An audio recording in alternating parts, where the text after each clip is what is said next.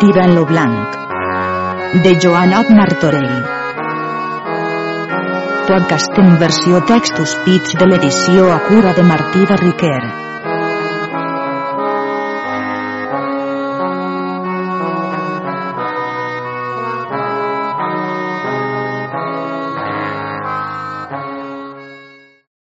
Episodi 5.1 Part cinquena tirant torna a l'imperi grec. Capítols del 404 al 421. Capítol 404. Com foren batejats 334.000 infels. Après que lo sermó fon finit, tots los moros que no eren batejats, amb grans crits, demanaren lo sant baptisme. Era continent tirant, en la dita plaça, feu portar veixelles grans plenes d'aigua, així com conques, cosis i llibreis, e que tants frares i capellans com se trobaren allí, car Tirant havia fet edificar molts monestirs en les ciutats que havia preses, en moltes altres esglésies, e havia fet venir molts capellans i frares d'altres parts de la cristiandat. E aquí tots se batejaren, així los que havien d'anar com los qui restaren, e dins tres dies foren batejats 334.000 entre moros e mores, e infants. Après que tots los moros foren batejats, tirant anar a parlar a lo rei Escariano e dis-li.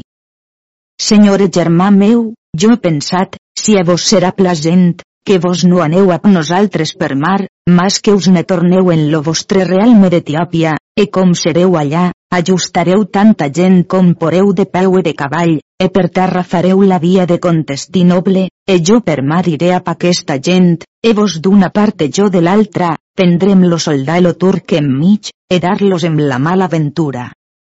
E lo rei Escariano dix que lo paler seu fora d'anar a pell, emperò, perquè coneixia lo grandíssim socors que fer-li podia de molta gent, dix que era molt content.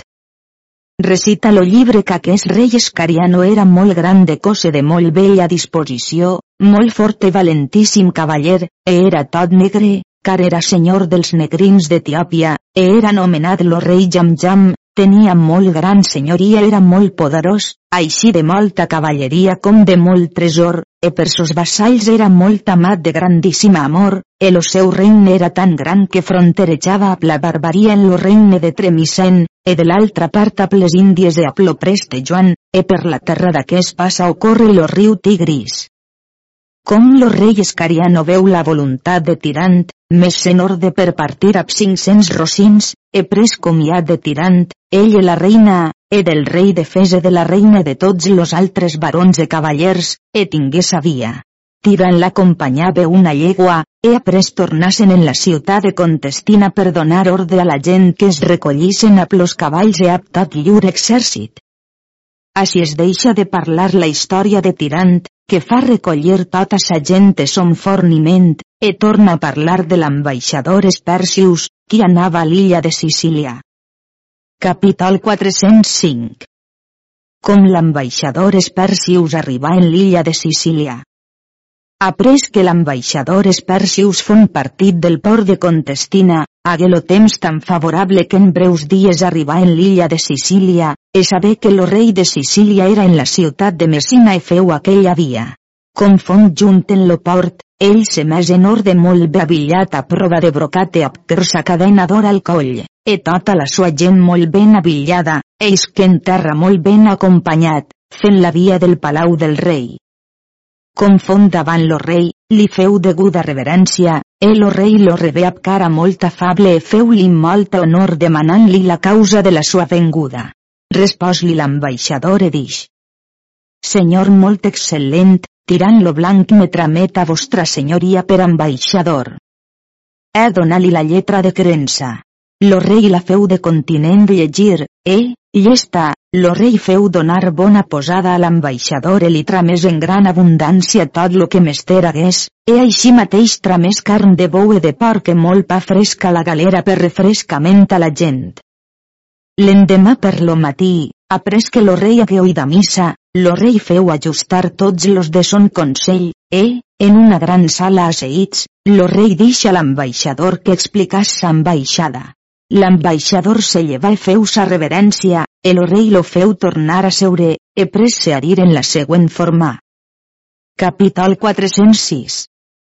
Com l'ambaixador de Tirant explica la sua ambaixada. Senyor molt excel·lent, no ignora vostra excel·lència com tirant lo blanc feia la guerra per l'emperador de Contestinoble contra lo soldalo gran turc, e vostra altesa deu saber com tirant se recollien mar ab deu galeres per anar la via del camp, que los seus capitans tenien vers la ciutat de Sant Jordi, e fon sorte ventura que en la mar se més tan gran tempesta que les galeres hagueren a partir ans d'hora, e hagueren lo vent al contrari e corregueren la via de la barbaria. E en hora les galeres foren llunyades les unes de les altres que es perderen totes, e la galera de Tirant donà a través prop la ciutat de Tunis. E aquí Tirant fon presa catiu en poder d'un capità del rei de Tremisen, e après, per les grans cavalleries de Tirant, fon posat en llibertat per lo rei de Tremisen, e feu la guerra per ell. Ha subjugada conquistada tota la barbaria per ací, han morts en les batalles huit reis moros, e han preso, lo major de tots, sois, lo rei Escariano, senyor de la gran província dels negrins, qui es nomena Etiòpia, e al fet fer cristià e companyó seu d'armes, e alidat lo regne de Tunis e de Tremisen. Après és estat certificat com lo soldat lo gran turc han llevades a l'emperador totes les terres les quals Tirant havia conquistades, perquè té deliberat ap tot lo major poder que porà d'anar a passar en Contestinoble té ajustada tota la barbaria, e ap moltes fustes que té treballa de recollir-se. Suplica a vostra altesa que ap tot vostre poder vulleu passar a pell en persona per ajudar-li a complir la conquesta de l'imperi grec, e això us haurà molta gràcia i mercè, com tal confiança tinga de vostra senyoria, car ell serà així molt prestament. L'ambaixador no dix més avant. No tarda lo rei en fer semblant resposta. Cavaller, jo tinc molt gran consolació de la gran prosperitat del meu germà tirant, perquè jo sóc content amb molt amor de valer-li dels béns de la mia persona en tot lo que sia augment de son bé honor. El ambaixador se lleva a feu al rei infinides gràcies. E eixits del Parlament, lo rei feu fer lletres a tots los barons de cavallers de Sicília, e a totes les ciutats i viles reals, que a Sardia trametessin llurs síndics en la ciutat de Palerm, com ell tingués deliberat de tenir Parlament General. E al dia signat lo rei i tots los convocats foren en Palerm, e, ajustat lo Parlament, lo rei emprà tot lo regne en general, e après en particular, e tots foren contents de dar-li, e los qui disposts eren d'anar a pell. Eclos lo Parlament, tots los qui deliberaven d'anar prestament se posaren en orde, el rei ajustà en poc temps quatre mil i a cavalls molt vells encobertats, e feu gran provisió de fustes i de vitualles. Així es lleixa lo llibre de parlar del rei de Sicília, que posa en ordre totes les sues fustes e fa recollir totes les vitualles, e los cavalls i arnesos, e torna a recitar de les sis naus que Tirant havia trameses a Contestinoble carregades de forment. Capítol 407 com les sis naus que Tirant trametia a Contestinoble carregades de forment arribaren al port de Valona amb salvament. Après que les sis naus foren partides del port de Contestina, hagueren tan pròsper vent que en pocs dies foren al port de Valona arribades, lo qual portes en Grecia, prop de Contestinoble, he aquí hagueren nova com lo soldalo turc havien passat lo braç de Sant Jordi amb moltes naus e galeres que havien fetes venir d'Alexandria i de la Turquia, e havien posat siti a la ciutat de Contestinoble e tenien lo siti molt prop de la ciutat, e les fustes per mar, en tal forma que l'emperador estava amb molt gran congoixa, que tots los qui dins la ciutat eren suplicaven contínuament a Jesucrist que els trametés a Tiram per lliberar-los de captivitat. E estaven amb molt gran confiança per quant eren certificats com Tirant venia amb molt gran poder. E la princesa se'n tornà al palau de l'emperador per confortar-lo pare, e li deia que estigués a bon cor, que nostre senyor los ajudaria. E defensaven-se lo millor que podien. L'emperador havia fet capità seu major a Hipòlit, lo qual feia cascun dia de molt grans cavalleries, e si no fos per ell, lo soldat era pres a la ciutat ans que Tirant fos aplegat. Com los patrons de les sis naus saberen com l'estol del soldà era sobre Contestinoble, no gosaren passar, mas feren un correu per terra a l'emperador com ells eren aquí en lo port de Balona, mas que no gosaven passar per socórrer a sa majestat per dubte de l'estol dels moros qui era davant la ciutat, mas que avisaven a sa majestat com tirant era ja partit de la ciutat de Contestina, e que venia amb molt gran cuita per socórrer-lo, e que confies de la misericòrdia de Déu que molt prestament tirant seria pell, e d'altra part, armaren un bergantí, lo qual trameteren a Tiram per avisar-lo com lo soldà turc havien posat siti en la ciutat de Contestinoble. Lo bergantí partí molt cuitadament feu la via de Sicília, que tan bon temps que en breus dies fon junt en l'illa de Sicília, en lo port de Palerm. Capital 408 Com Tiram amb tot lo seu estol de la ciutat de Contestina de continent que lo rei Escariano partit font de Contestina, tirant feu recollir tots los cavalls, arnesos e vitualles e tota la gent. Els trenta naus foren ateses, que havien carregat de forment, e feu-les fornir de molta gent, e com tots foren recollits, se recollí tirant lo rei de Fes la reina Plardemavida i tots los cavallers qui eren en terra tirant. Com tot fon fet, tirans manà fer vela e que fesen la via de Sicília, e navegaren a pròsper ventant fins que foren en l'illa de Sicília. Com lo bergantí qui era vengut del port de Balona veu l'estol de tirant, is que del port e cuita de vers aquella parte de manar la nau del capità e fon li mostrada, e com lo bergantí fon junt a la nau, lo patró alt en la nau de tirant e dis-li com les sis naus eren al port de Balona, que no eren pogudes passar per l'estol del soldà, qui era sobre Contestinoble, e siti que tenien sobre la ciutat. D'això que tirant molt gran en uge feu la via del port de Palerme veu aquí les fustes del rei de Sicília, qui començaren a fer gran festa de trompetes i de bombardes, e les de tirant per lo semblant, e feren tan gran remor que paria que lo món deguesen avisar.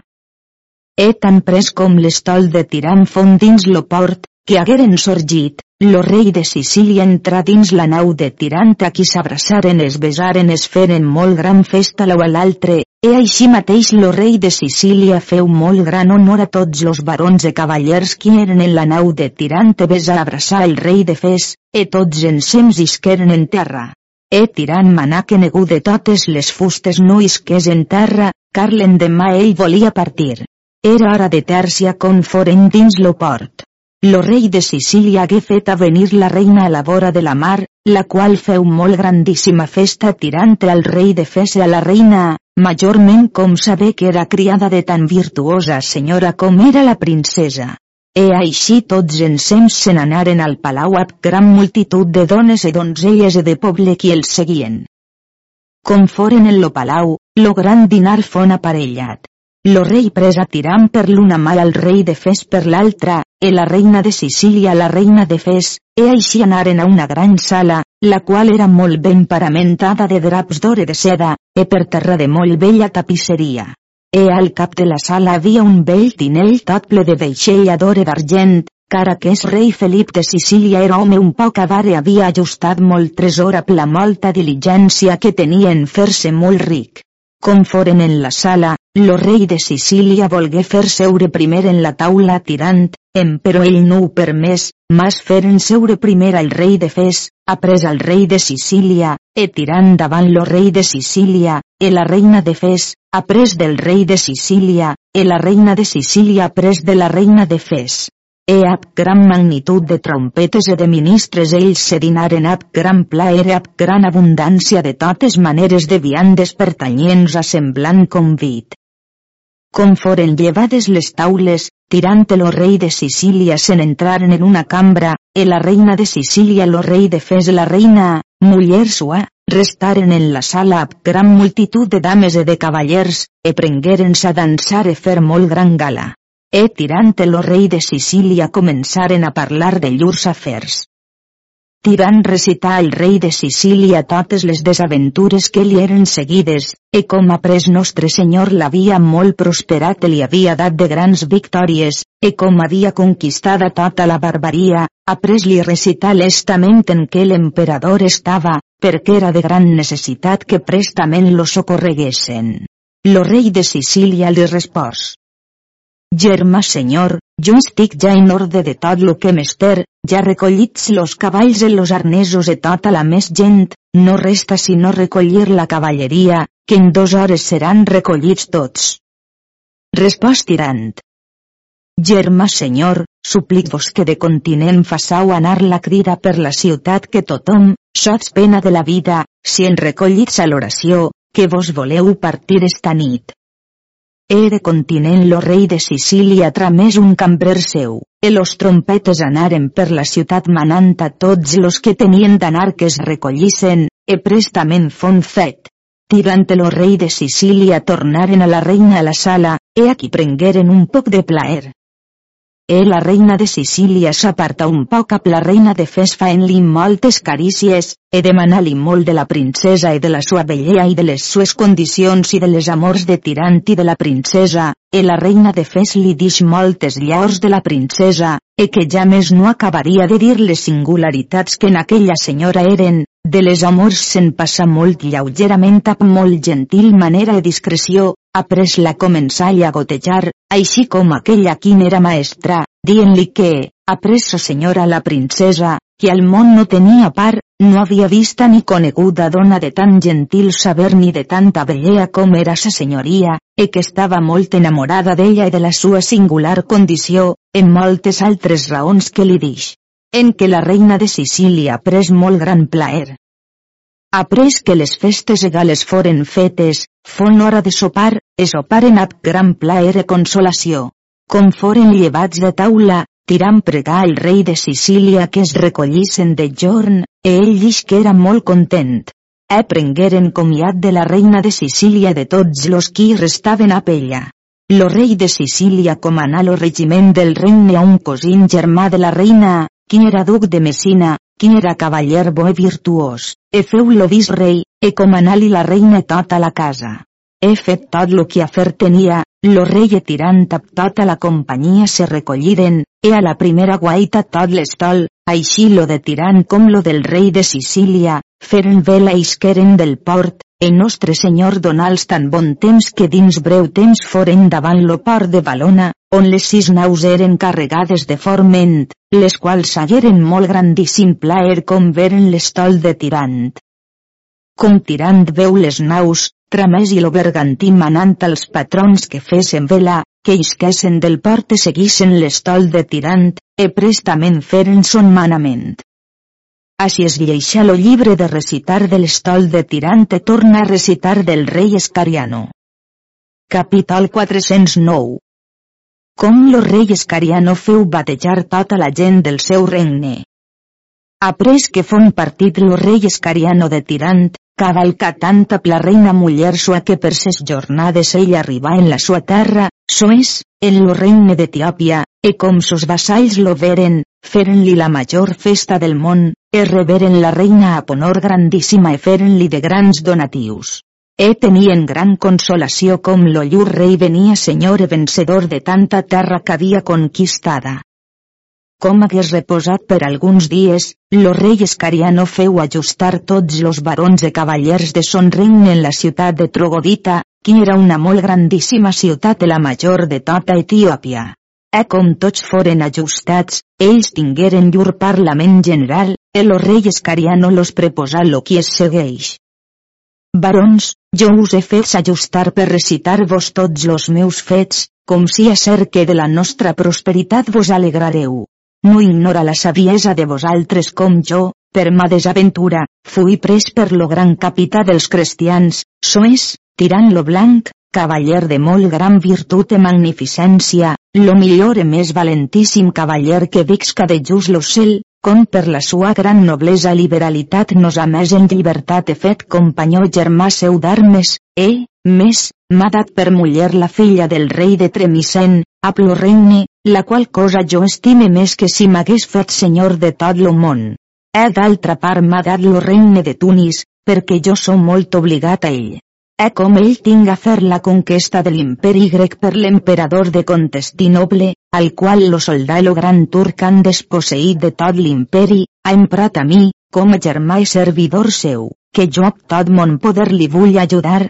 pregant-vos que tots los qui seran disposts vulleu anar a mi en contestinoble a mon sou e despesa.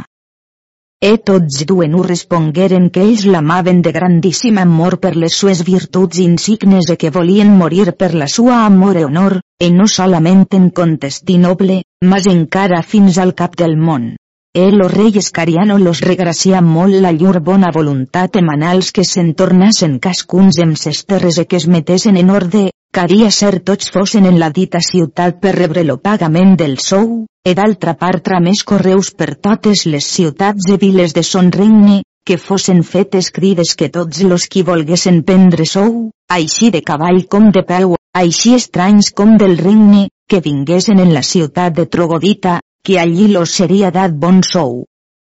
E en aquest instant de temps que la gent s'ajustava, la reina hagué pensat de fer son poder de créixer i augmentar la cristiandat, car era molt bona cristiana dotada de moltes virtuts, car compartí de contestina s'emportaps i molts frares e capellans e dos bisbes, per intenció d'edificar esglésies e monestirs. Perquè de continent que fon en la ciutat de Trogodita feu preicar al poble que es fessin cristians, e molts, per amor del rei i de la reina, que eren cristians, e altres per devoció, se batejaren. E llavors la reina feu edificar molts monestirs esglésies, e feu-los consignar al rei molta renda, e així en aquella ciutat, com en les altres del regne, foren edificades esglésies e monestirs, e per los bisbes foren consagrades, e posaven-s'hi en los monestirs molts de la terra gran devoció, e foren majorals los frares e capellans, e als bisbes donaren bons bisbats a bona renda, e manà tots los qui tenien disposició que anassen preicant per tot lo seu regne que batejassen a tots aquells qui demanarien lo sant baptisme.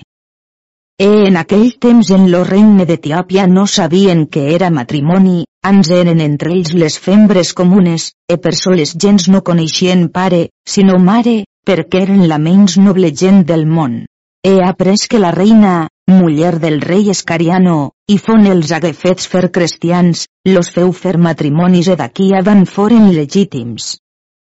En aquest regne del rei Escariano, sobre la mar, vers mitjorn, a una gran muntanya qui llança gran quantitat de foc cremant sense cessar ja més. E en aquest regne d'Etiòpia molt grans deserts on no habita ningú, fins en Aràbia, e afronta la mar oceana. Com tota la gent fon ajustada, lo rei feu donar sou a tots aquells qui prendre el volien, e molts hi anaren sense sou. Aquest rei escariano era molt ric de tresor, per tant com se'n collia molt en sa terra, per algunes menes que s'hi troben, qui són del rei, en molt ric de cavalleria, car éreu dels grans senyors del món, exceptat lo gran Can. He trobat que tenia per compte 220.000 homes a cavall, forts i molt destres en les armes. Com lo rei Escariano hagué dat ordre en tots sos afers, així com aquell qui era home de gran prudència, he ordenat son regne de bons regidors, ell ordenà sos capitans e ses capitanies, així de la gent de cavall com de la de peu, qui era molta, si bé de sus no se'n fa menció, he assignat i a ser que tothom fos pres per partir. He més avant ordenar molt gran carruatge i molt gran multitud de cavalls e orifanys per portar vitualles, tendes i artelleries i totes coses necessàries per al mester de la guerra, e d'altra part, gran multitud de bous i d'altres bestiars per a forniment de l'host. E per semblant, la reina, qui es fon més a molt en punt amb molt grans avillaments o obratges de perles i de pedres fines que tenia en molt gran abundància, e d'altres robes de xaperia, e amb moltes dones e donzelles, de blanques e de negres, car les blanques eren del regne de Tunis, e les negres d'Etiòpia. E per so la reina se feu tants avillaments, perquè havia promès a Tiran que ella iria a les sues bodes de la princesa, e a les de Plar de Mavida i del senyor d'Agramunt, rei de Fes, qui es devien fer en contestinoble lo dia que Tiram faria bodes a la princesa. Com tota la gent fon en orde, lo rei Escariano partí de la ciutat de Trogodita a tota la sua host, he caminat tant per ses jornades per son regne fins que fon a la fi de son regne, en una ciutat que és nomenada Seràs, qui frontereja a terra de Preste Joan, he aquí reposar alguns dies el i fon feta molt gran festa perquè ja més l'havíem vist, car de la ciutat de Trogodita fins a la ciutat de Ceres havia 50 jornades. Així es lleixa lo llibre de parlar del rei Escariano, qui va a Plasuaos la via de Contestinoble, e torna a recitar del cavaller Espercius, que Tirant havia tramès per ambaixador al rei de Sicília. Capítol 410 De la bona ventura cagué lo cavaller Espercius. Rebuda resposta lo cavaller Espercius, del rei de Sicília, de l'explicada ambaixada, he vist lo gran aparell que lo rei feia fer, pres llicència i comiat del rei de Sicília, es recollís en la galera per tornar a Contestina. He après pocs dies que fon partit del port de Palerm, tirant i arribar a tot lo seu estol, e per sort la galera d'Espercius no s'encontrava l'estol de tirant, ans passaven fins a Contestina i aquí li digueren com bons dies havia que tirant era partit a l'estol, que ja devia ésser en Sicília. D'açò que gran enuig Espercius, com no serà encontrar a l'estol, he pres refrescament per a la galera i tornar a la via de Sicília. Confon en lo port de Palerm no hi trobar ningú, car ja havia 15 dies que tot l'estol era partit, he presa aquí llengua, tirar la via de Contestinoble e per sos dies ella plegà al port de Balona trobar que ja n'era fora l'estol. He d'aquí ell tirar la via de la canal de Romania, he pres lo fortuna llançar en l'illa del Lango. He aquí la galera donà travesse perdés tota la gent, exceptat lo cavaller Esperci usat de hòmens, e posaren-se per l'illa per veure si trobarien lloc poblat que poguessin restaurar la vida. E anant així, trobaren un home vell qui guardava un poc de bestiar, e demanaren-li si havia negun lloc poblat en l'illa, el pastor los dix que en tota l'illa no hi havia població sinó un petit casal en què estaven quatre casats qui per llur desaventura eren venguts aquí a habitar perquè eren estats exilats de l'illa de Rodes, e vivien aquí en molt gran misèria per quant aquella illa era encantada d'alguna cosa no hi podia aprofitar. Lo cavaller Espercius lo pregà que, per reverència de Déu, los volgués dar a menjar, que de tot lo dia passat aquell, qui passava migjorn, no havien menjat, car ells li ajudarien de tot lo que porien. El o pastor hagué compassió d'ells i dix-los que de sa misèria ell los faria part. E tocar son bestiar, e portals al casal, e com hi foren, donals a menjar del que tenia. Com hagueren menjat, lo cavaller Espercius enterrogà son hoste que li volgués dir qui havia encantada aquesta illa, que paria tan bona, e que així fos deshabitada. Ell li dix que, per so com li paria ell ésser home de bé, lo hi volia tot recitar.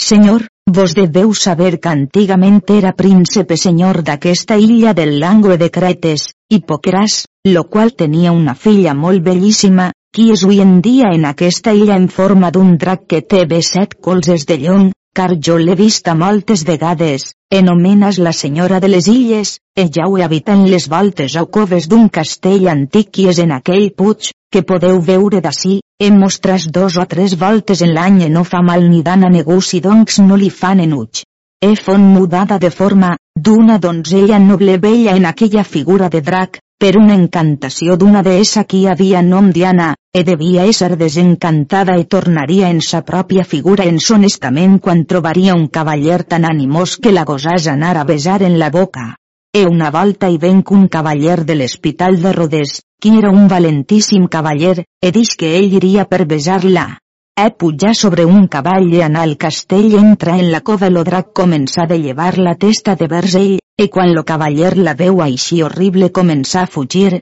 el drac lo seguí, el cavall porta lo cavaller, mal grat, sobre una roca e saltà en la mar, e així lo cavaller fon perdut. Après se seguí que, Passat algun temps, un jove que res no sentia d'aquesta aventura, eixí d'una nau per deportar-se, e anant així per l'illa se trobà a la porta d'aquell castell entrant en la cova tan de dins fins que fonen una cambra, e aquí veu una donzella qui es pentinava estava mirant en l'espill, e ell veu molt tresor entorn d'ella. Lo jove se pensà que fos qualque folla fembra o comuna qui estigués aquí per fer bona companyia als homes qui passaven per aquí. Estigué aquí tan fins que la donzella veu l'ombra del dit home acostàs de vers ella demanar-li què volia, e ell respòs, senyora, si a vos era plasent que em volguésseu prendre per servidor, e la donzella li demanà si era cavaller, el jove respòs que no. Doncs dix la donzella, si cavaller no sou, no podeu ser senyor de mi,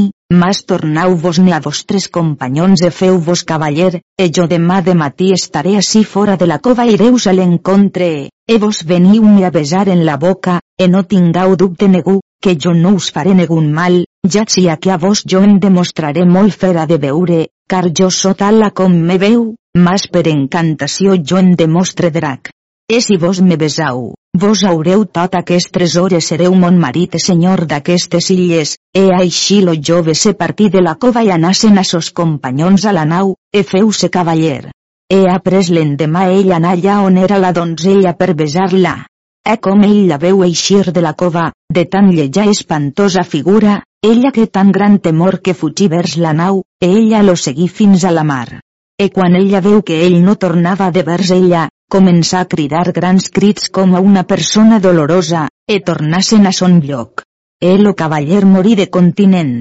He après no hi ha vengut cavaller algú que no morís tan tost. Mas si venia cavaller algú qui la gosàs besar, ell no morria, ans seria senyor de tota aquesta terra. Com lo valentíssim cavaller Espersius hagué oïdes les raons del vell, ell estigué un poc pensant. Après dix al vell. Digau-me, bon home, és ver lo que em dieu. Respòs lo vell.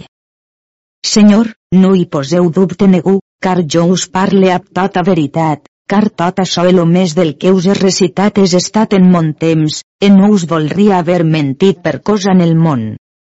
En aquell punt lo cavaller Espersius fon posat en gran pensament en no replicar més al vell, mas dix entre si mateix que ell volia experimentar aquesta aventura, car, puix nostre senyor l'havia fet venir allí no sens causa, e d'altra part se veia desesperat com se trobava en aquella illa deserta i no tenia manera deguna de tornar a Tirant, perquè preposar secretament, sens sentida de sos companyons, d'ell anar tot sol a la cova on era lo drac, perquè sos companyons no volguessin anar a pell i desviar-lo a raons del seu propòsit, e per so com era cavaller de molt gran ànimo deliberar de morir o de complir l'aventura. Era so ell no feu deguna demostració a sos companyons ni al vell. Mas pres informació certa de vers qual part era lo castell, a fi que no el pogués errar. E així aquella nit ells reposaren en la casa del vell.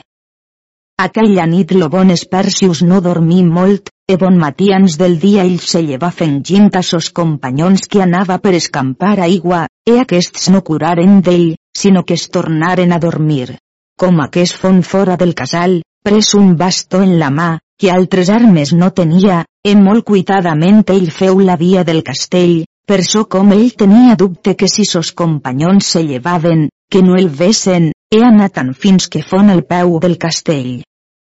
Era ja lo sol ben eixit lo dia clar i net, e veu la boca de la cova, e aquí ell s'agenollà amb grandíssima devoció i pregà a la immensa bondat de nostre Senyor que, per la sua infinida misericòrdia i pietat, lo volgués guardar de tot mal el volgués lliberar i donar ànimo que no tingués temor del drac, perquè pogués traure aquella ànima de pena i fer-la venir a la santa i vera fe catòlica. E com hagué finida sa oració, ell se senya i com anàs a Déu, entra dins la cova tant com la claror li durà, e aquí ell llança un gran crit perquè lo drac loís. Com lo drac sentí la veu de l'home isquiap molt gran brogit. Lo cavaller, qui sentí la gran remor que lo drac portava, hagué grandíssima temor, e agenollàs en terra dient moltes bones oracions. E com lo drac li fon de proper i lo veu de tan lleja figura, estigué fora de si mateix e tancà los ulls per so que la vista no li pogué comportar de veure, e no es mogué poc ni molt, car en tal punt era que més era mort que viu. El drac que veu que l'home no es movia, ans estava esperant, molt gentilment suau s'acostà a ell i besal en la boca, el cavaller caigué en terra esmortit, el drac de continent se tornà una bellíssima donzella, qui el pres en la sua falda i començà-li a fregar los polsos, e dis-li semblants paraules. Cavaller virtuós, no hageu temor de res e obriu los ulls e veureu quan bé vos està aparellat. El o cavaller Espersius estec per espai d'una hora esmortite fora de tot record. E la gentil dama, incessantment fregant-li los polsos e besant-lo per fer-lo retornar. Après, Passada l'hora, ell cobra l'esperit i obri los ulls i veu la donzella de tan grandíssima bellea, qui el besava molt sovint, pres molt gran esforç en si adreçàs, e apesforçada veu dix paraules de semblant estil. Capítol 411 Requesta d'amor que fa lo cavaller Espercius a la donzella. Tanta és la gràcia i perfecció que en la vostra galant persona ab saber infinit reposa, que ja més la mia llengua bastaria recitar la menor part d'aquella, com la mia ànima sia totalment sotsmesa a la vostra voluntat, el ovell esguard vostre me dona beatitud. Mas flames de llea l'amor que mon esperit contínuament tan combatudes que so en aquesta illa e fui informat de vostra gran bellea, la qual me dona ànimos a força augmentada de virtuts e béns que en vos reposen, m'han donat atreviment de venir ací a posar per obra lo que fins ací haveu vist. Car en aquella hora que us oi nomenar, amor me feu veure a vos en esperit, he de liberar i morir per de lliurar a vos de la pena que passàveu, molt més ara que tinc notícia de vostra gentilesa, he deliberat, a verdadera elecció, ser tot vostre, per les tantes singularitats i perfeccions que tinc conegudes en vos, que ja més en altra no conseguí car jo a vos per a sempre vull servir com a senyora que sou de mi de les coses mies, suplicant-vos de molta gràcia conegar en vostra gentilesa que sou contenta del que he fet per vos. Emperò, aquell delit que vostra gran bellea mi representa, entre los altres me farà gloriós viure, e si tanta glòria Déu per sola mercè m'atorga, qual en lo món a mi igual pot ser. E per son fretura que us mostra paraules la mia amor ser estada la major e més fervent que ja més o neguna dona portàs per sola fama, e així serà sens fallir, tant quan la mia mísera vida sostendrà que és cos, e més encara si d'ellà com de sa sama perpetualment, podeu ser segura en vostres manaments fer quant ordenareu. Eh per quan sé que teniu tanta aptesa que bastau conèixer en l'esguarte continença mia del bé que us vull, més que dir no us poria, reste en esperança de vostra piadosa persona tenyer infinita glòria. Acabava Espercius lo darrer so de les sues enamorades paraules quan la donzella feu tal principi. Capítol 412 Resposta feta per la donzella al cavaller Espercius cavaller virtuós, negun terme no és de tanta longitud que en bastàs a poder-vos regraciar com jo volria lo que fet Déu per mi, e per so reste en la vostra discreta consideració lo que a paraules no puc mostrar. M'esforçaré al meu poder per serveis los majors que per mi es poran fer, retre premi dels vostres singulars actes de constància d'ànimo viril, car haveu posada en perill la vida vostra per traure i lliberar a mi de tanta pena inestimable eh perquè tinc conegut l'extrem de vostre valer, e la tanta virtut que de vos puc atenyer, m'ho fes pata vostra, e regràcia a Déu d'haver-me atorgat gràcia de venir en mans de persona tal que en virtut sinó a part. E si heu ser que la molta amor que us porte és tanta que passa del corden a ma vida humana. E en això m'obliga la condició de gentilesa que en vos tinc coneguda, e confiau de mi, car jo us faré benaventuradament viure. He pres-lo per la mà i posal dins la cova en una bellíssima cambra que la donzella tenia a servitud sua, la qual era molt ben avillada, e mostrà-li gran quantitat de tresor, lo qual li presentà ensems la sua persona. El o cavaller Espercius li regracia molt la sua proferta, acceptant aquella ab grandíssimes gràcies que li feu, abraçant i besant-la més de mil voltes. És sens no voler perdre temps en paraules, pres-la en braços e posar-la sobre lo llit, he aquí conegueren los últims termes dels senyals d'amor. Capítol 413 Com lo cavaller Espercius, a la gentil dama que havia conquistada, tornà sos companyons.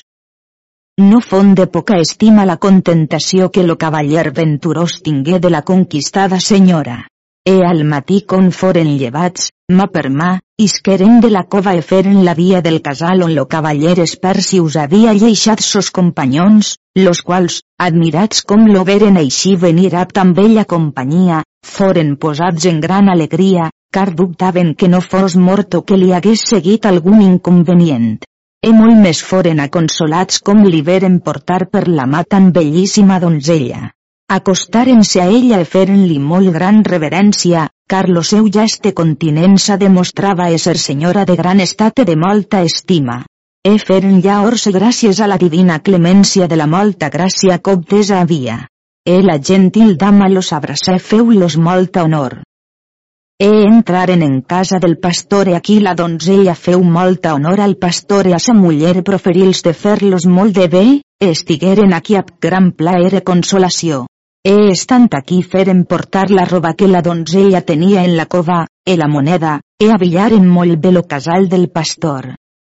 Après, per temps, vingueren aquí fustes, les quals no li ejaren e feren venir gent d'altres parts per poblar l'illa, la qual en breu temps fon molt bé poblada, edificaren aquí una ciutat molt noble, qui és pertina fon nomenada, la Venturosa. En molts altres llocs, viles e castells hi foren edificats e poblats. En moltes esglésies e cases de religiosos, que hi foren edificades a honor, llaure glòria de nostre Senyor Déu e de la sua sacratíssima Mare, e hi donaren molta renda per sustentació dels servidors de Déu. He visca aquests cavalleres persius, a la sua senyora, per llong temps senyors de l'illa i d'algunes altres entorn. E hagueren fills e filles que heretaren après ells e visqueren pròsperament quieta. Així es lleixa lo llibre a parlar del cavaller Espercius, per no tenir prolixitat, e torna a recitar de l'estol de Tirant lo Blanc, qui anava a Contestinoble. Capítol 414 Com Tirant tramés un ambaixador a l'emperador, com a tot lo seu estol era el port de Troia.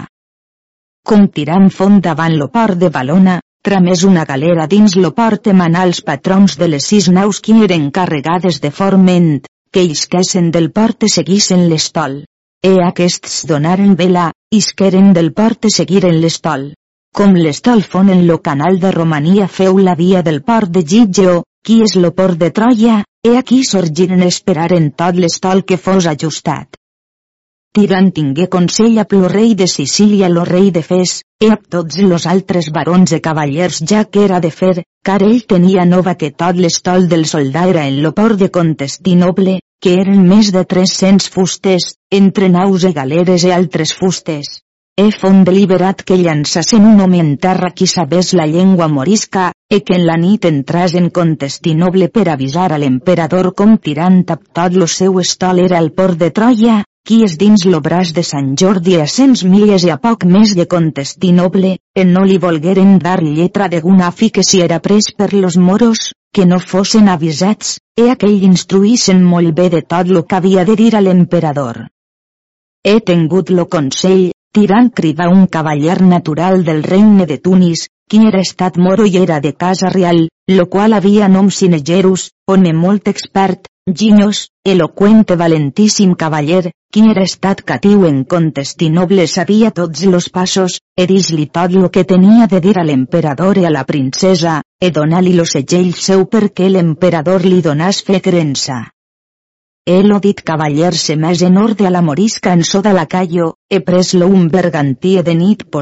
en la terra ferma una llegua llum del camp dels moros qui tenien lo siti en la ciutat de Contestinoble. E aquest cavaller, cautelosament desviant-se del camp dels moros, feu da via de la ciutat. E encara no pogué escapar que no donàs en mans d'espies del camp dels moros,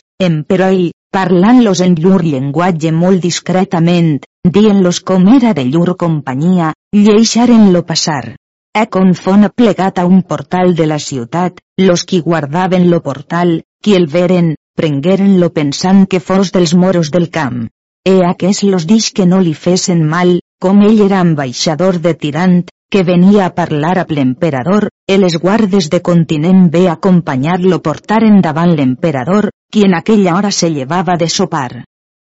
Com lo cavaller Sinegerus fon davant l'emperador, ell s'agenollà als seus peus e besar-li la mà lo peu e donar-li lo segell de Tirant, l'emperador mirà-le conec les armes de Tirant. Llavors l'emperador l'abraçà i feu-li molt gran festa, dient-li que ell fos lo benvengut per cents milia vegades. El o cavaller Sinegerus feu principi a semblants paraules.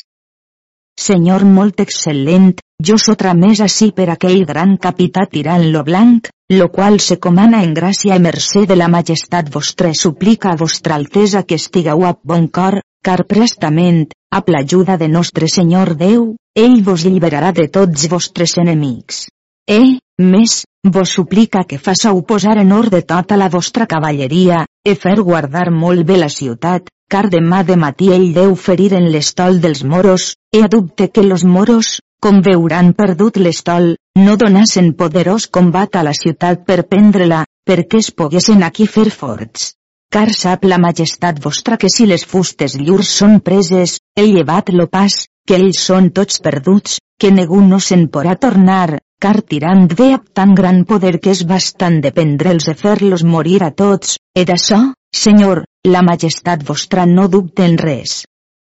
Amic dix l'emperador, gran consolació tenim del que ens haveu dit, el nostre senyor, per la sua mercè pietat, nos faça gràcia que sia així com tu dius, car nos confiam tant de la gran virtut e cavalleria de tirant que, amb l'ajuda de l'immens Déu, ell complirà lo nostre bon desig seu. E de continent l'emperador tramés cridar a Hipòlit, qui era capità major seu, e com li fon davant li dix. Nostre capità, ja sabeu com lo virtuós tirant és al port de Troia amb molt gran estol. Té deliberat demà per lo matí de ferir en l'estol del Moros, perquè és de gran necessitat que prestament ajusteu tota la cavalleria qui és dins la ciutat, e tots los constables i caps dels homes de peu, e ordenau vostres batalles, e posau cascun en lo lloc que deu estar, per so que si cas era que los moros volien combatre la ciutat, que tothom sia avisat i preparat. Respòs Hipòlit. Senyor, no és poca la consolació que jo tinc de la venguda de mon mestre tirant, he de ben fer moltes gràcies ella a la divina providència de la sua venguda, car pot estar la majestat vostra amb cor segur de ser de lliurat de les mans dels enemics, car tot l'imperi grec serà recuperat per aquest reduït a vostra majestat, e traurà de captivitat tanta cavalleria qui està en poder dels infels, e tan poble cristià qui està en perill de renegar la fe de Jesucrist. Perquè, Senyor, de continent serà complit lo que em mana la majestat vostra. He pres a llicència de l'emperador, Hipòlit anar a la gran plaça de ciutat, e secretament tramès per tota la cavalleria i per los constables i capitans de la gent de peu, e com foren ajustats vix los semblants paraules. Senyors, a nostre senyores estat plasent, per la sua infinida bondat e clemència, de voler-nos de lliurar de captivitat i del poder de nostres enemics, car jo us fas certs com mon mestre senyor tirant és vengut amb molt gran estol, e és al port de Troia, e té deliberat demà de matí de ferir en les fustes dels moros. Perquè és de necessitat que tots vos poseu en orde, e cascun capità la sua gent se posi en la muralla, en lo lloc que li és estat assignat, e que estigueu molt reposats i sense fer remor neguna, perquè los moros no puguen haver negun sentiment. De tal nova tots foren aconsolats, e lloaren e beneiren a nostre Senyor Déu de la singular gràcia que els atorgava. Partiren d'aquí, e cascú a plegar la sua gent, e posaren-se cascuns en son trast, e estigueren aquí tota la nit amb molt gran alegria fins al matí, molt sàviament e discreta. Capítol 415 com l'ambaixador Sinegerus anà a fer reverència a l'emperadriu i a la princesa. Après que l'ambaixador Sinegerus hagué explicat a l'ambaixada, demanà llicència a l'emperador que pogués anar a fer reverència a l'emperadriu i a la princesa, l'emperador n'hi fon molt content. He obtès a llicència, anà a la cambra de l'emperadriu, on trobà sa filla amb totes les dames, el cavaller feu sa reverència a l'emperadriu e besar-li la mà, e besar la mà a la princesa, e, amb lo genoll en terra, feu principi a semblants paraules. Senyores, mon capità i senyor, tirant lo blanc, se comana, en gràcia i mercè, de vostres excel·lències e besous les mans, oferint-se molt pres de venir ací per fer-vos reverència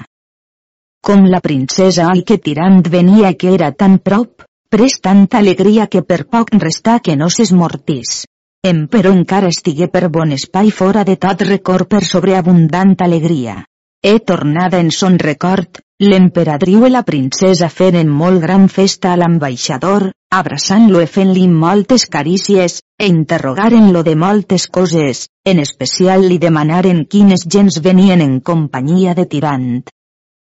Respòs l'ambaixador e dix com aquí venia lo rei de Sicília ab tot son poder, e lo rei de Fes ab tot son poder e ab la reina muller sua, qui es nomena plar de ma vida. E aquí venien tots los barons del regne de Tunis e de Tremisen, en molta altra cavalleria que eren passats per prendre sou, car aquí venien gens d'Espanya, de França i d'Itàlia, per lo gran renome fama de tirant. Així mateix com per terra venia aquell magnànim rei Escariano, senyor de l'Etiòpia, qui era molt virtuós cavaller i animós, companyó d'armes de tirant. Lo qual ve amb molt gran poder de gent de cavall i de peu, e porta a si la reina sa muller, per so com té molt gran desig de veure l'excel·lència de vos, senyora princesa, per la molta bellea que de vos ha oït a mencionar. Car aquesta reina és una de les bellíssimes dones del món, e complida de totes virtuts. He més los dix complar de ma vida era esposada del senyor d'Agramunt, e venia allí per so que la majestat de l'emperador i d'elles li fesen honor a les sues bodes e recitals llargament la manera de la conquesta que Tirant havia fet de la barbaria, e com tot quant havia conquistat ne guanyat, tot ho havia repartit, que no s'havia res aturat, e que totes les gens del món qui el veien ni l'oïen nomenar l'adoraven en la terra.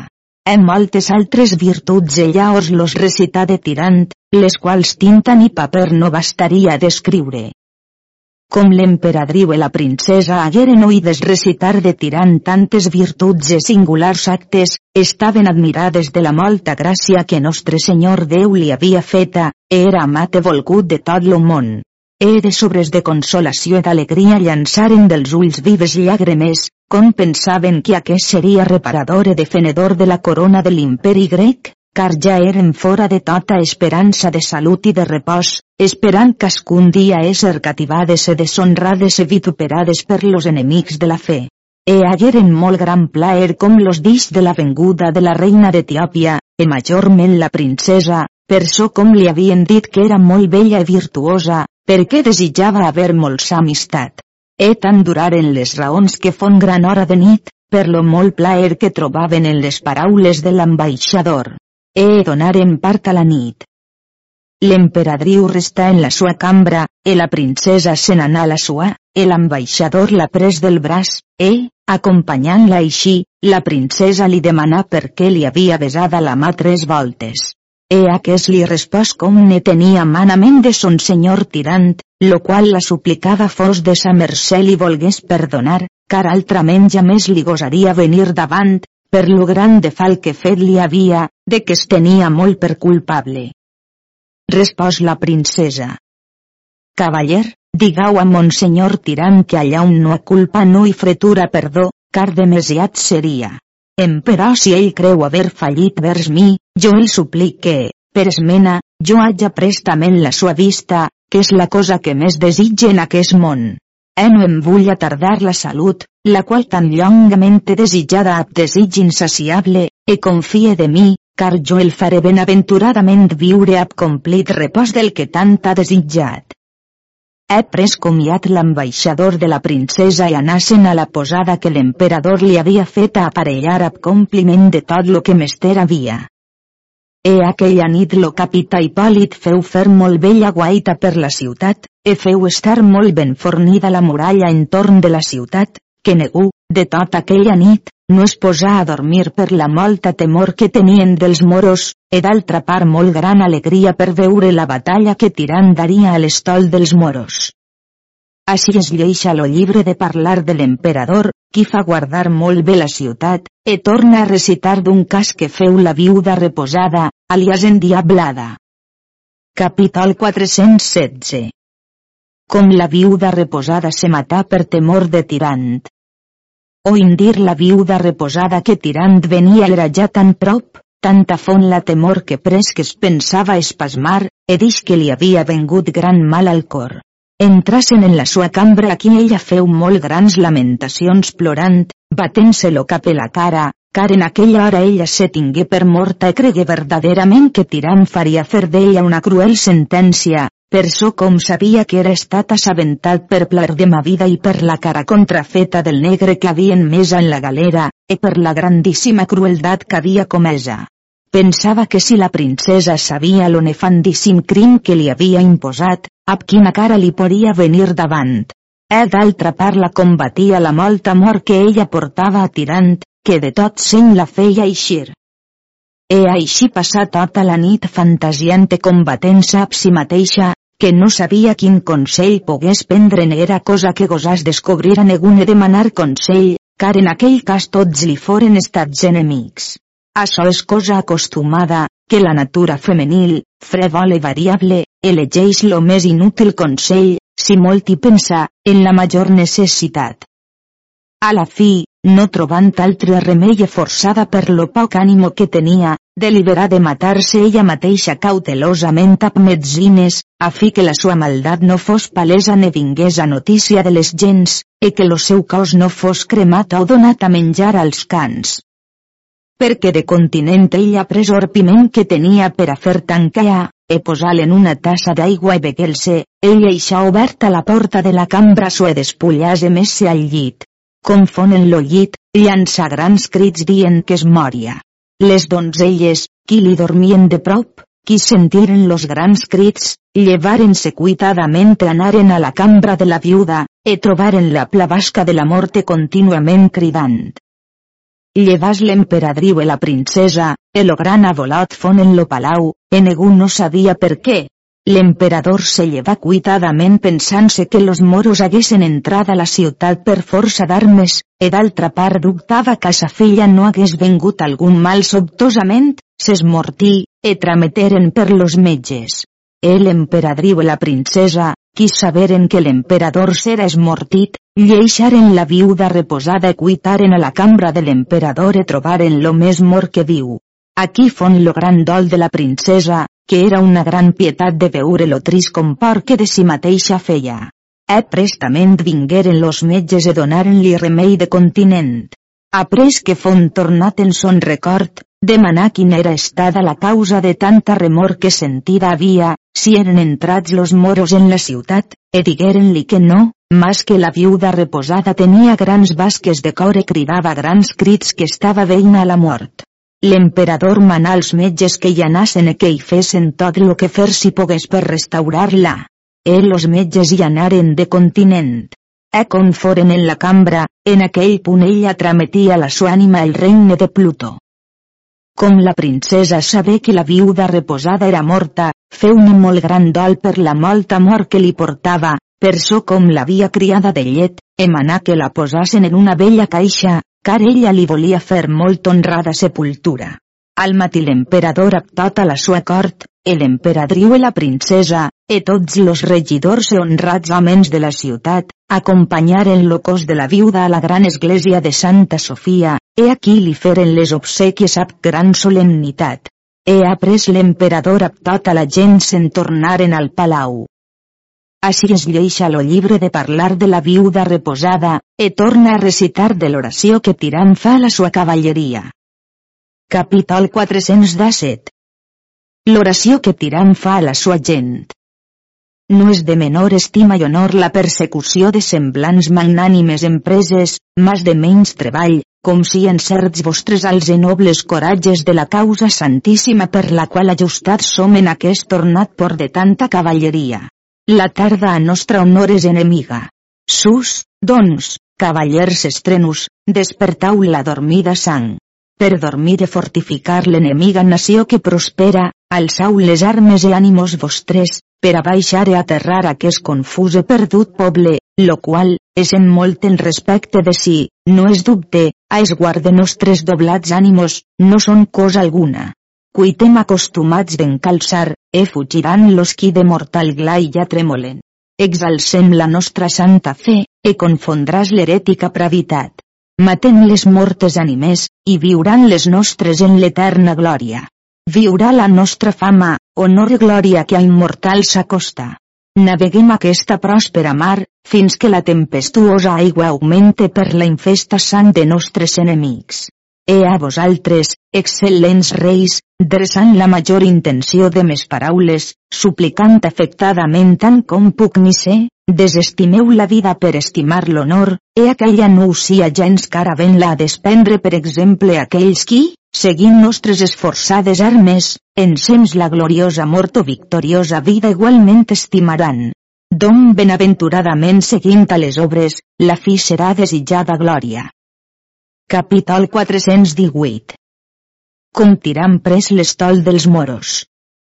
Après que Tirant hagué fet posar lo cavaller Sinegerus en terra per anar a avisar l'emperador, ell feu posar en punt tot l'estol i ordenar ses batalles, emanar quals fustes devien ferir primer a les naus, e les galeres a les galeres. E així mateix manar tots los patrons que conferrien en l'estol dels moros, que fesen molt gran esclafit de trompetes i anafils de botzines, de les quals Tirant havia fet fer molt gran forniment, i los altres at bombardes e crits molt espantosos, a fi que els posassen lo diable al cos. E com tot fon ordenat, manà fer vela, e eixiren totes les fustes del port molt quedament sens remor de guna. E partiren del port de Troia alba de matí, e navegaren tot lo dia i tota la nit après. E nostre Senyor feu-los tanta de gràcia que tot aquell dia fon nuvolós e bromós, que ja més los moros ni menys de la ciutat no en pogueren haver vista. E foren davant l'estol dels moros dues hores ans del dia, que l'estol dels moros no n'hagueren gens de sentiment.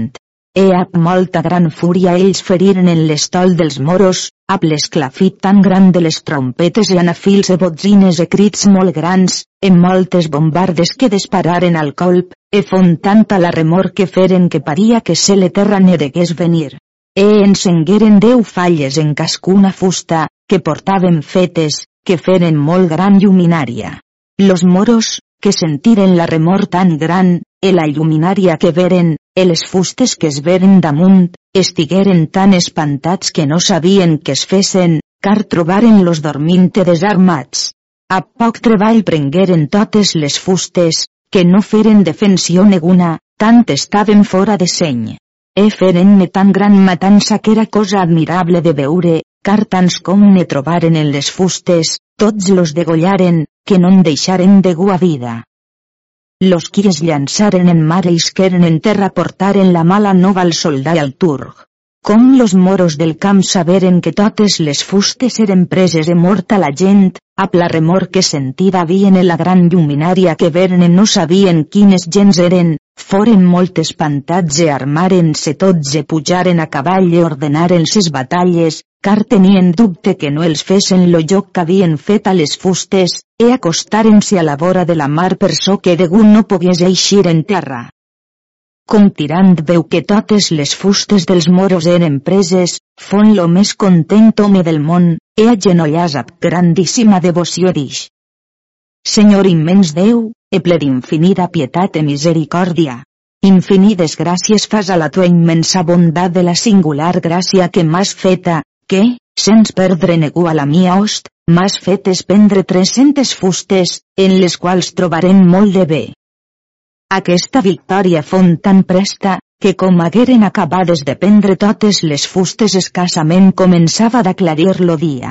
Com los qui estaven en la muralla de la ciutat oïren la gran remor de bombardes e de trompetes e de crits de vers lo port, e veren tantes llums, estigueren molt admirats, car paria que tot lo poder del món fos allí. E conegueren que allò era l'estol de Tirant, qui havia ferit en l'estol dels moros, e hagueren molt gran alegria, e d'altra part estaven molt redubtant que en aquella hora los moros del camp no combatessin la ciutat. E tots los de la ciutat prengueren gran ànimo com conegueren que Tirant combatia les fustes del moros. El emperador, qui sentí la gran remor, llevas del llit cuitadament cavalcap molts pocs qui es trobaren en lo palau en aquella hora, e anava per la ciutat sol licitant la gent, que tothom estigués en ordre per defendre la ciutat si mester era, e d'altra part, anava confortant la gent de la ciutat i en los que s'alegrassen, que ara serien desassetjats e cascú cobraria sa heretat e tot lo que perdut havia. E los moros de res no hagueren menys cura, car ells estaven aptant de dalt de les fustes que perdudes havien, el dubte que tenien que no isquesen en terra, que no tenien gran cura de la ciutat, car estaven closos, que no se'n podien tornar, e tenien-se tots per morts e per catius, e guardaven ab gran diligència la vora de la mar perquè negu de l'estol de tirant no pogués eixir en terra. Com lo dia fon vell i clar tirant hagué fetes a marinar totes les fustes que havia preses dels moros, feu fervela, e a tot les tolis que eren del port de Contestinoble e feren la via de la mar major, per lo braç de Sant Jordi avant, car Tirant havia pensat que si ell los llevava lo pas de la terra ferma ens que ells hi proveïssen, ell faria son voler d'ells, e per so ell fengí que se n'anava a la presa portant-se'n totes les fustes dels moros. Com los moros veren que l'estol de tirantis que del port amb totes llurs fustes que se'n portaven, tingueren-se per dit que se n'anaven a Pluguany, perquè havien molt guanyat.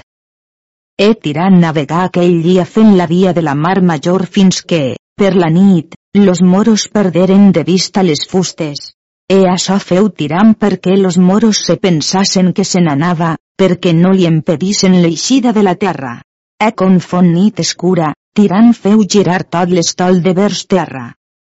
E deveu saber que la ciutat de Contestinoble és molt bellíssima ciutat i molt ben murada, és feta a tres angles, hi un braç de mar qui es nomena lo braç de Sant Jordi, e aquell braç de mar clou les dues parts de la ciutat, el una part resta inclosa, el una part closa és de vers la mar, l'altra és de vers la Turquia, l'altra, qui no és closa, és de vers lo realme de Tàrsia perquè tirant feu la via de la part que no era closa, en la nit ell pres terra a quatre llegües lluny del camp dels moros, he aquí desembarcaren tots los cavalls i tota la gent i l'artilleria que havien necessària, evitualles per a forniment de llur camp, que no foren vists ni sentits per los moros, e eixaren les fustes fornides,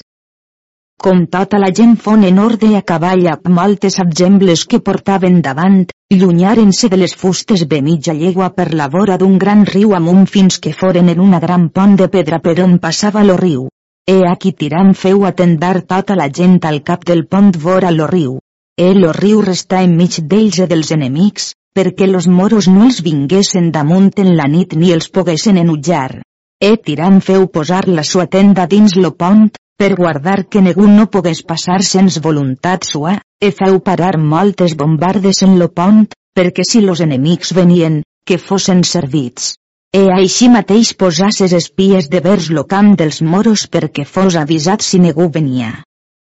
E de continent que foren atendats, tirant pres un home de pegue, vestit com a moró, tramés-lo a la ciutat de Contestinoble a una lletra que contenia paraules de semblant estil.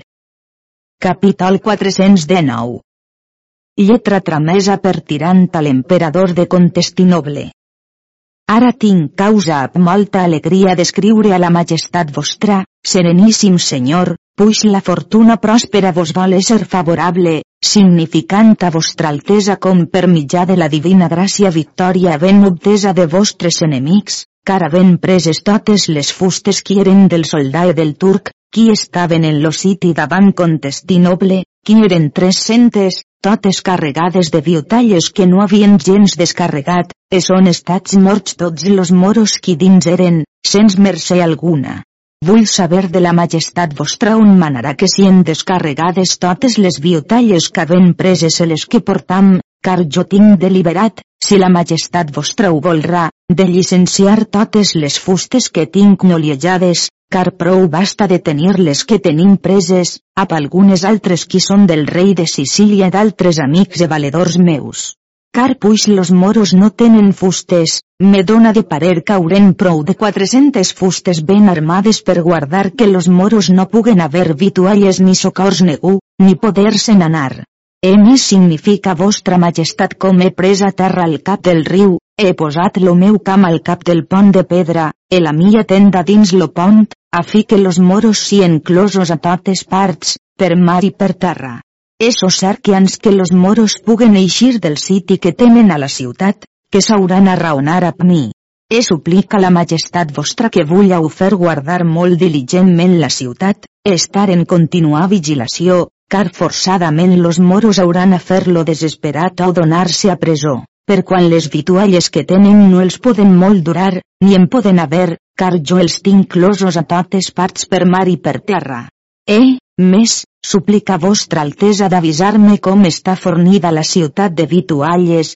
i per a quant, car jo n'he portades per a fornir-la per a deu anys. E de continent calla la resposta, vostra metré totes les fustes carregades, e d'açò suplica la majestat vostra que em mane que vol que faça així de llicenciar les fustes com de descarregar les vitualles, e de totes les altres coses que la majestat vostra conega que facen a fer, que tot lo que em manareu se complirà prestament. E si la majestat vostra volrà que us trameta gent d'armes per defendre la ciutat, si dubtau en res, si jo avisat, car tinc deliberat, si a la majestat vostra serà plasent, que de continent que les fustes hagin descarregat, de fer-les estar ben armades davant lo camp dels moros, perquè no puguen de res ser socorreguts, ne trametre fusta de guna per avisar-ne a haver socors, e per enutjar-los tant com porem. E això fet, crec que nostre Senyor nos ajudarà que farem tot lo que volrem. E d'açò de sus dita ja presta resposta de la majestat vostra, Capítol 420 Com lo bon cavaller Sinegerus tornà al camp de Tirant.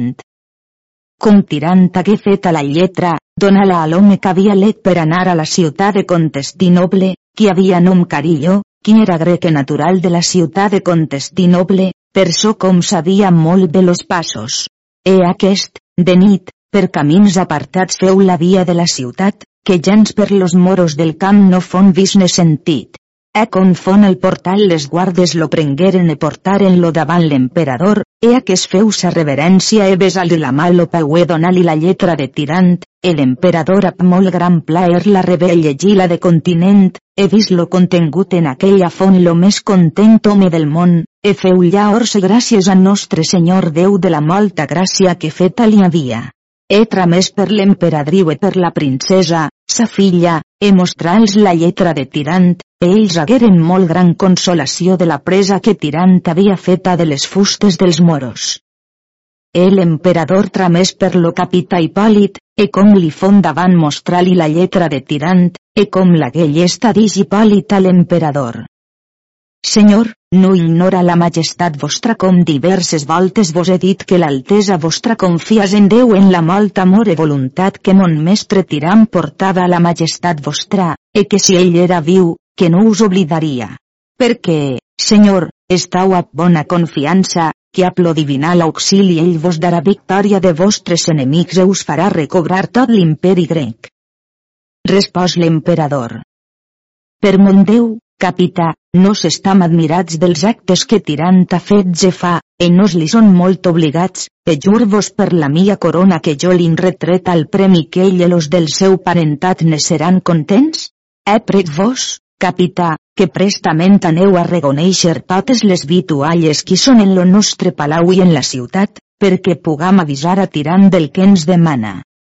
E de continent Hipòlit se partí de l'emperador e feu la cerca molt diligentment amb altres homes experts en tal negoci, e trobaren que encara tenien forniment per a tres mesos complidament. E Hipòlit, molt alegre, se'n tornà a l'emperador e dix-li semblants paraules. Senyor, la majestat vostra deu saber com tenim forniment en la ciutat per a tres mesos, i encara per a quatre, si mester era. Perquè, senyor, no dubte la majestat vostra cans que aquestes vitualles sien despeses, tirant haurà de que n'haurem més, e haurà desassetjada la ciutat, e deixau-ho a son càrrec. El emperador feu cridar lo seu secretari e feu-li fer una lletra tirant mencionant-li llargament tot lo que per ell e per tot lo consell era estar deliberat, e feu cridar a Sinegerus e dir-li.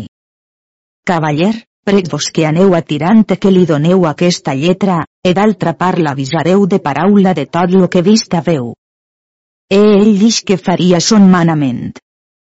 Com l'ambaixador Sinegerus hagué presa la lletra de l'emperador, besa-li la mà lo peu e pres llicència d'ell. He après anar a prendre comiat de l'emperadriu i de la princesa, la qual era en la sua cambra, e pregal que la recomanàs molt a son senyor tirant que ella lo suplicava la tingués en son record e que volgués pensar quants enuts se treballs havia passats des que no l'havia vist, e que en tot cas del món ell donàs ordre que ella lo pogués veure lo més pres que pogués, car si no ho feia, era certa de morir a aquell desig. El o cavaller respòs que ell era pres de complir tot lo que per sa senyoria li era manat. E besar-li la mà, e la princesa l'abraçà, e feta sa reverència partís del palau e vestís com a moró, e pres per companyó a Carillo, qui havia portada la lletra a l'emperador. E partiren de la ciutat a les 12 hores de la nit, e per aquells passos que Carillo vengut era molt secretament, ells passaren que no foren sentits per ningú del camp dels moros, e al de matí arribaren al pont on Tirant tenia lo camp. E coneguts per les guardes, lleixaren-los passar e anaren dretament a la tenda de Tirant, lo qual trobaren ja llevat com tirant los deu hagué lo major plaer del món de la llur venguda, he demanar al cavaller Sinegerus de noves e de l'estament de l'emperador e de l'emperadriu, e de la sua ànima, la princesa. E a que es li recità llargament tot lo que havia vist e oït-ne lo que l'emperador li havia dit de paraula. E, més, li dix totes les recomanacions de la princesa, e totes les raons que damunt són recitades com tirant hagué oïdes les raons que la princesa li trametia a dir, dels ulls li corregueren vives llàgrimes e alteràs la sua cara d'amor extrema i de compassió que tenia de la princesa, estigué per bon espai que no parla, pensant en la molta amor que la princesa li portava, e tenia gran dubte que, per lo gran desig que tenia de veure'l, no prengués algun regirament. He après que tirant font tornat en sa color natural, Sinegerus li donà la lletra de l'emperador, e tirant la presa a llegir, e contenia estil de semblants paraules. Capítol 421 Lletra tramesa per l'emperador a Tirant lo Blanc. Tirant fill, no és estada poca la consolació que nos tenim de la vostra venguda, e quan reste obligat a la immensa bondat de nostre Senyor Déu e a vos, com m'haveu volgut socórrer de lliurar en temps de tanta necessitat, de tant de mal qui m'estava aparellat. He suplic al meu Senyor Jesucrist que us faça tanta de gràcia que us lleixe complir lo vostre bon desig, qui és de verdadera caritat, el meu en poder-vos premiar lo que per mi tanta veu treballat. He notificant-vos de la gran custòdia que fa fer de la ciutat lo vostre bon criat, e capità meu, Hipòlit, que no crec que, après de la persona vostra, millor cavaller ni ap major ànimo si estat en tot lo món ni serà, e que si no fos per les grans cavalleries d'aquest, dies a que la ciutat fora estada presa, e tot lo restant de l'imperi grec. E no es podia numerar la morisma que per mans d'aquest virtuós cavalleres estava morta. E, més, vos avisant com per gràcia de nostre Senyor Déu la ciutat està fornida molt bé per a tres mesos de vitualles i de totes coses necessàries, e de cavalleria prou suficientment per a defendre'ns dels enemics, car lo més dubte que teníem era que les vitualles no ens fallissen, perquè ens haguéssim a dar per fam.